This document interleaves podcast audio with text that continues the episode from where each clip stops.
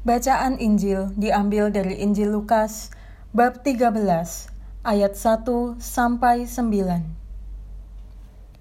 Sekali peristiwa, datanglah beberapa orang kepada Yesus dan membawa kabar tentang orang-orang Galilea yang dibunuh Pilatus dan darahnya dicampurkan dengan darah kurban yang mereka persembahkan.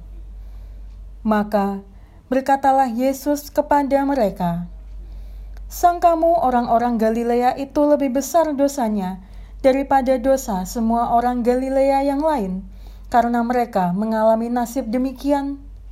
Tidak, kataku kepadamu. Tetapi jikalau kamu tidak bertobat, kamu semua pun akan binasa dengan cara demikian. Atau sang kamu, ke-18 orang yang mati ditimpa menara dekat Siloam, lebih besar kesalahannya daripada semua orang lain yang di Yerusalem? Tidak, kataku kepadamu. Tetapi jikalau kamu tidak bertobat, kamu semua pun akan binasa dengan cara demikian.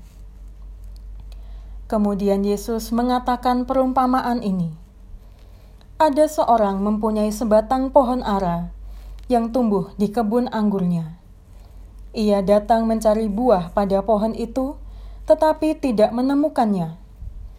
Maka berkatalah ia kepada pengurus kebun anggur itu, "Sudah tiga tahun aku datang mencari buah pada pohon ara ini, namun tidak pernah menemukannya.